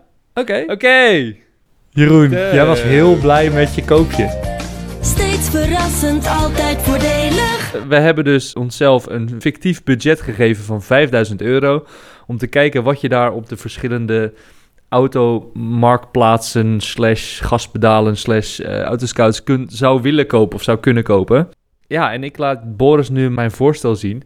En ik zeg eh 5000 euro voor een beetje een iconische Citroën. Dat is nog best wel lastig. Want eh, je zit, als je, als je een beetje richting de twee cv'tjes gaat, de, de, de eentjes. Ja, dan Ja. met 5000 euro, dan heb je gewoon een fucking... Roesbak. Ja, dan heb je een plantenbak. Dan heb je gewoon Ja. een plantenbak. Daar kan je niks mee. En, en een DS ook. Heb je gewoon een Ik plantenbak. heb, ik heb één DS gevonden. Ja. Dus, nou ja, dus dan ga je toch naar iets nieuwere, minder bekende modelletjes kijken. Nou ja, dan...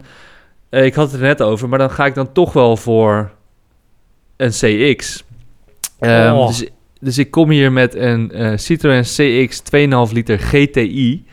eh, in mooi, ja, wat zou je zeggen? Beetje lichtblauw. Ja, Ehm, een soort grijsblauw. grijsblauw uit 1985, 2 ton op de teller. Volgens mij Ja. ook geïmporteerd, want hij heeft een nieuw kenteken. Ja. Ehm, 136 pk'tjes. 2,5 liter weten te persen. En, GTI, eh, hè? GTI. Ja, ja, ja, ja, ja, ja. ja, dat zie je dus ook aan het, aan het bobbeltje eh, op de motorkap. Dat die iets, eh, Ja, iets sportiever is. Ja, en van die, van die classic jaren 80 eh, soort van disc metalen velgen, weet je wel. Wat nu Ja. eigenlijk ook weer terugkomt. Van hele erg gesloten velgen. Ja, ik, vind- ik, vind- ik vind hem mooi. Ik zei, mijn vader heeft dus zo eentje gehad, maar nog iets dikker met een turbo erop. Daar heeft hij wel echt heel veel geld aan verloren. Maar eh, hij, noemde, hij noemde er ook liefkozend Michelle. Had een naam gegeven. Eh, hij, heeft heel veel geld Michelle. ja, hij heeft heel veel geld in Michelle gestoken. Ehm, maar ik, eh, ik, ik denk dat ik hem wel achterna ga. Ik ga, ik ga, ik ga ook een Michelle zoeken. Nou, Ja, Boris, nu jij? wel. Nee, ja, ik wil nog één ding zeggen. Wat dit Ja. ding zo tof... Een van de dingen die deze zo tof maakt, is dat die... eh, volgens mij is dat ook begonnen met de DS. De DS had een stuurwiel met één spaak. Ja. De meeste stuurwielen hebben ze maar twee of, of drie of vier spaken. De DS had er maar één. Dus dat je gewoon een soort cirkel in je hand die maar op één punt in het midden vast zat. Ja. Eh, en dat heeft deze ook. Nou, dat Ja. vond ik leuk. Ja. Ik heb hem toch even gecheckt. ja, die van mij. Ja, weet je waarom? eh, we hadden hem nog niet behandeld, hè? Boeia. Oh, wat mooi. Jij hebt gewoon echt de opvolger van mijne eh, gekozen. Ik heb inderdaad, ik heb de opvolgende. Ja, jij hebt een CX. Ik heb een Ja. C6. Ja. Eh, ik had hem inderdaad nog niet behandeld. Ik heb hem gewoon eh, onbewust achterwege gelaten. De C6, ja, ik vond hem toen hij uitkwam, dacht ik ook weer, wat een lelijk ding. Ik vond eigenlijk alles aan die auto vond ik lelijk. Ja. Jawel. Ik vond hem, ik was er gewoon toen nog te jong voor. Ik vond hem, ik vond hem gek. Ik kon het niet plaatsen. Ik vond alles aan dit ding vond ik lelijk. Vooral de achterkant. Vond Ja. ik, ik snapte, ik snapte hem gewoon niet. Achterkant ben ik wel met je eens. Achterkant is ook niet echt mooi. Die, die, die soort rare soort streepjes als achterlichten, ja, dat, dat is niet helemaal gelukt. Maar goed, de rest... verfijnde, verfijnde smaak, joh. Ehm, hij heeft helaas geen eenspaaks eh, stuurwiel. Maar wat het is met die C6'en... motorisch is het gewoon allemaal niet zo handig. Die C6'en die zijn dus geleverd met een benzine- en een dieselmotor. Allebei een v, of V6. Volgens mij ook nog wel kleinere benzinemotoren. Ja. Maar ze zijn dus in die tijd het meest verkocht met de dieselmotor. En dat is dus een V6 dieselmotor. 100, eh, 200 pk. Zit je Ja. nou met je GTI, sukkel. Ehm, maar die dingen zijn dus met een, met een 2,7 liter. Ja. Want vanaf 2,8 worden ze meer belast, zei je, hè? Ja, ja, het zou best wel kunnen dat dat nog steeds van diezelfde regeling is. Serieus. Ja, dat- ja. Ja. Ehm, dus de benzinevarianten, die kosten allemaal 12, 13, 14.000 euro. Die Ja. diesels raak je aan de straatstenen niet kwijt. Ja, behalve dus aan mij, als je mij 5000 nep-euro's geeft. Eh, want ik heb dus even opgezocht. eh, omdat dit dus een auto is van ruim 1800 kilo. Ja. Dat is 1000 kilo meer dan mijn Audi A2. Ja, ja, ja. En er zit dus een V6 diesel zit daarin. ja. Betaal je dus ruim 600 euro per kwartaal aan wegenbelasting voor dit ding. Wow. Holy shit. Ja. Ja, dan snap ik wel dat je hem aan de straatstenen niet kwijtraakt. Maar voor de rest is dit toch het summum van luxe. Dit moet toch zo... Ja. Ik heb gewoon leren bekleding, walnotenhout, automaat. Mm. Ik wilde ook gewoon wel die V6 diesel. Dat lijkt me gewoon heel Ja. erg prettig in dit ding. En dan voor 5000 euro. Ja, voor mij is dit, dit soort van... Dit is het meeste Citroën wat ik kon krijgen voor mijn geld. Mhm. Ja, terecht. Ik heb ook nog wel even zitten kijken naar bijvoorbeeld zo'n zo'n snelle Saxo of zo. Zo'n Saxo VTS. Ja, flikker op. Echt zo'n petjesauto. Ja. Nou ja, Ja, kijk, eh, aan de andere kant, eh, Saxo's, eh, mijn broer die heeft zo'n 1.6 VTS gehad, hè. Was, Ja. best wel, was best wel een racebakje. Maar goed, dat is niet waarom je Citroën mooi vindt. Nee, weet je? Dan kan je net, dat is net zo goed een Polo GTI'tje of wat dan ook. Dit is, Ja. dit is voor mij Citroën. Ja, zeker weten. Dus het, het stond voor mij ook al vast dat het gewoon zo... Ik heb ook nog naar een XM zitten kijken. Die hebben we natuurlijk nog niet echt behandeld, de XM. Het jaren 80 hoekige vlagschip. Ja, die vond Ja. ik ook echt geweldig. Wat een ruimteschip was dat, joh. Ehm, Eh. maar ja, toen zag ik dat je deze ook kon krijgen. dacht ik, nee, ik ga voor de C6, fuck it. Zeg het maar. Ehm, nee, ik ga toch voor mijne. Ik ga ook voor die van jou vanwege Yes! het éénspaak, éénspaak stuurwiel. Het is gewoon de, de original, de OG. Ja, dit is de OG. Ik, eh, ja, ik, weet- ik zou er heel blij mee zijn. Ik denk dat mijn vader ook wel blij zou zijn. Steeds verrassend, altijd voordelig. We kunnen even kijken. Ik heb nog een, een, een, een, een, interviewtje, Boris. Eh, want namelijk, ik, Special ik, guest. ik heb een special guest. En ik dacht, misschien is het toch wel leuk om hem even aan jou te laten horen. En dan kunnen we het daarna misschien even heel kort over hebben. Misschien gewoon even het verhaal over me, dat mijn pa dus... Die was erbij dat de laatste eend van de band afrolde.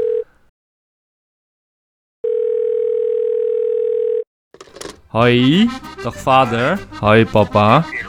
Ja, ik bel jou even, want eh, wij zijn natuurlijk nu bezig met de zomerpodcast over Citroën. En ik kon die podcast niet maken zonder jou natuurlijk even geïnterviewd te hebben. Want eh, ja, jij bent een beetje de, voor mij de bekendste citrofiel. En ook een beetje die mij het, eh, bij mij het zaadje heeft geplant voor auto's en wel voor Citroëns. Dus ik wil je gewoon even wat kort vragen stellen. Wat heb je allemaal voor bijzondere Citroëns gehad in de afgelopen tientallen jaren? Nou, eh, welke niet? Ik heb eh, twee eenden gehad. Gewone eenden. En, eh, een DS, een CX, een HI. eh, en een paar Picasso's. Picasso 1 en 2. Ja. En, En, dat is het, hè? Ja. En, een, en een Saxo nog. oh ja. En eigenlijk gevlogen was, vandaar door het straks zo aan Ja, maar Jeanette zegt terecht, hè? Jeanette zit hier ook naast mij. Hallo. Hallo, Hallo mama. zit ook in Frankrijk. Wat, eh, Maar ze heeft de mond vol met chips, dus eh. Maar eh, nee, ik, ik was eigenlijk al vanaf van oudsher bevlogen van eh Citroën uh, Traction Avant. De, de, de, zeg maar de, de oer-Citroën, de naoorlogse oer-Citroën. mhm. Onze droomauto ook om in te trouwen trouwens, Jeanette. Die zouden we gaan eh, huren, maar dat was me toch te veel geld. Toen kon ik uiteindelijk een eend lenen. oh pap, je bent ook zo schraal. Ja, sorry, maar ik had ook weinig geld. ik had het allemaal voor jullie nodig. Oké. Maar ik wil nog even één verhaal van jou horen. Wat, eh, want jij hebt namelijk de laatste eend van de band zien rollen. Vertel daar eens over. Laatste die week van de band zou gaan rollen. Die week zou het echt gaan gebeuren. En eh, dat was een artikel in de Volkskrant. En ja, ik was toen eh, verslaggever bij de KRO, KRO Radio, KRO Echo. En ja, ik dacht, daar moet ik dus een reportage over maken. Dus ik die avond eh, naar de clubbijeenkomst van de enige echte ene club, de EEEC in Soest om het verdriet aan te horen van de clubleden die wisten dat het, het eh, gebeurd was met de eend. En eh, dat was zo'n succes, die reportage, dat ik het ook voor elkaar kreeg om naar Portugal te gaan, waar de laatste eend van de band zou rollen, om te kijken of ik daarbij kon zijn. Maar Citroën zelf als eh, fabriek wilde eigenlijk daar helemaal geen rugbaarheid aan geven. Want ja, het was niet echt een succes meer. Hè. Het was een onveilige en milieuonvriendelijke auto waar ze niet echt trots op waren. Terwijl er heel veel liefhebbers waren. Maar ja, zij hadden veel meer zelf eh, veel meer eh, belang bij aandacht voor de moderne types. We kwamen er toch achter dat het die vrijdag in Mangualde in Portugal zou gaan gebeuren. De fabriek waar de laatste eenden werden gemaakt. En ik heb toen eh, toestemming gekregen van de KRO om daarheen te gaan met de voorzitter van de enige echte eendenclub, Arie Jonker. Nou, toen ik die jongen belde om te zeggen, joh, ga je mee? Nou, hij, hij wist niet hoe blij die, eh, hoe blij die was. Want ja, dat was een hele bijzondere gebeurtenis natuurlijk, ook voor hem. Maar goed, eh, we wisten dat er geen festiviteiten zouden zijn, dat het niet echt een groot officieel gebeuren zou zijn. En dat er ook helemaal geen buitenstaanders bij aanwezig mochten zijn. Maar goed, ik dacht, we lullen ons wel binnen daar. En dat gebeurde uiteindelijk ook. Want wij waren daar uiteindelijk eh, op vrijdag, eh, eind van de middag, aan de poort van de fabriek in Mangualde in Portugal. En daar stonden nog twee andere jongens, twee Fransozen en wij. Dus vier man stonden daar aan de poort en werden niet binnengelaten. Maar een van die twee Fransen die zei, ja maar ik ben eh, lid van de familie Peugeot. En de Peugeot-familie was eigenaar van eh, Citroën. En als jullie mij niet binnenlaten, dan, eh, dan zwaait er wat, weet je zo. Zo'n bluffverhaal. Nou ja, Ja. Dat, daar waren ze toch wel van onder de indruk. Dus hij mocht naar binnen. En hij, terwijl hij naar binnen werd gelaten, zei hij tegen ons... Nou, eh, wacht maar even, ik laat eh, zorgen dat jullie ook binnen kunnen komen. Nou, inderdaad. Een paar minuten later kwamen ze ons halen. Maar ik was daar natuurlijk voor mijn radioverslag en ik wilde mijn recorder meenemen. En dat mocht niet. Die kon je ook niet verstoppen. Nee, dat was nogal een groot ding. Maar goed, ik heb dus achter moeten laten bij de portier en wij mochten wel naar binnen en wel wat foto's gemaakt. Eh, we, we kregen een rondleiding, eigenlijk een beetje om het officiële gebeuren heen. Maar we hoorden wel de muziekband die daar met een fanfarekorps eh, de laatste eet aan het uitluiden was. Ja. En wij konden zo af en toe een, eh, een scheef oog werpen op, op dat gebeuren. En de- die grijze eend die als laatste daar uitgeleide werd gedaan. Eh, en, en terugkomend, eh, ja, die voorzitter, die Adi Jonker, die was zo blij als een kind natuurlijk. Dus wij gingen dat eh, s s'avonds vieren in Porto. Wij gingen vis eten aan de haven, Ja. daar. Maar die vis die was een beetje rauw nog, ja, hadden we niet zoveel boodschap aan. Tot het s'avonds werd en wij bleken echt een voedselvergiftiging te hebben opgelopen. Nou, die jongen die, echt zijn hele bed vol. Merci et bonne vacances. Merci, opa. Au revoir. Boris, dan zijn we bij het eindoordeel uitgekomen. Ja, Poh. ik ga wel eerst. Dan kan je er Ja, dan boos worden. eerst. Nee, valt wel mee. Kijk, Citroën heeft een paar, heeft eigenlijk gewoon twee iconische auto's gemaakt. Met de DS en de De Chevaux. Maar toen ik het ging afpellen, en natuurlijk met de hydroplematisering en zo, toen ik het ging afpellen was het ja, behalve die twee auto's, wat is er eigenlijk? Wat, wat hebben ze? Ja, maar wat, wat is het alternatief? Ik bedoel, noem, noem mij één eh, automerk wat meer iconische eh, eh, dingen. Dit gaat wel, het zijn, het zijn wel echt grote dingen hoor. Ik bedoel, Ja, dat is wel voor, voorwielaandrijving is ook wel een dingetje hoor. Ik weet niet. Voorwielaandrijving is ook wel een dingetje. Oké, ik weet niet wat ik andere merken heb gegeven, maar dan geef ik Citroën... Ik wou eens een 7, maar dan ga ik een 7,5. Ah, oké. Ja, ik denk dat dit echt zo erg een kwestie is van, van smaak en, en voorkeur, weet je wel. Dit is, dit, nou ja, goed, dat, dat is de hele, de hele fucking podcast, maar ik weet dat ik tegen andere merken heel erg boos of zeg maar negatief ben geweest voor wat ze nu... nu Kritisch. kriti- kritisch, oh, daar heel kritisch op ben geweest op wat ze nu maken. En eigenlijk zou ik dat dus ook moeten doen op Citroën. Namelijk dat ze eigenlijk na de BX, misschien met de uitzondering van de C6, eigenlijk allemaal prutauto's hebben gemaakt. Maar dat is het met verliefdheid, weet je wel. Dan kijk je over bepaalde dingen heen die andere mensen wel zien. Dus ik ga dat allemaal vergeten.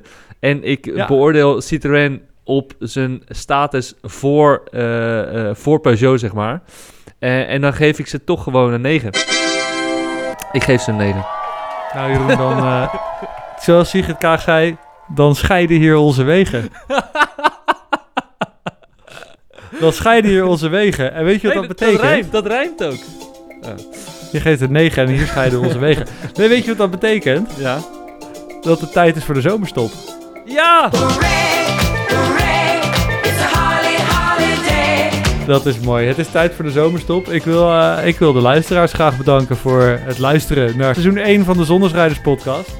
Ehm, volg ons nog steeds op Instagram, hè, want daar posten we dus al- niet alleen eh, plaatjes die horen bij de verhalen die we verteld hebben, maar ook eh, de leuke auto's die wij spotten met daarbij ook wat leuke feitjes. Dus volg ons op Instagram, het Zondagsrijders podcast.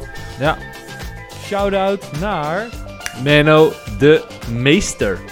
Voor het in elkaar draaien van de podcast. Ja. Ehm, wil jij nog iets tegen onze luisteraars zeggen? Wanneer denk je dat we terug zijn? Ik, nou ja, ik hoop dat als we terug zijn dat ik weer normaal kan lopen. Want ik zit, ben nu kreupel. nou, dan Ehm, zien we jullie allemaal volgend jaar. Nee, ik denk dat we gewoon na de, na de school, zomervakantie zijn we al terug. We mikken op de eerste week september. Ja, vind ik een goeie. En eh, tot die tijd kun je lekker lang luisteren naar deze extra lange Citroën aflevering. Vertel het vooral door. eh, ga hem lekker binge luisteren op reis naar Frankrijk. Veel plezier op vakantie. Hey, eh, yes! later. Adieu. Later!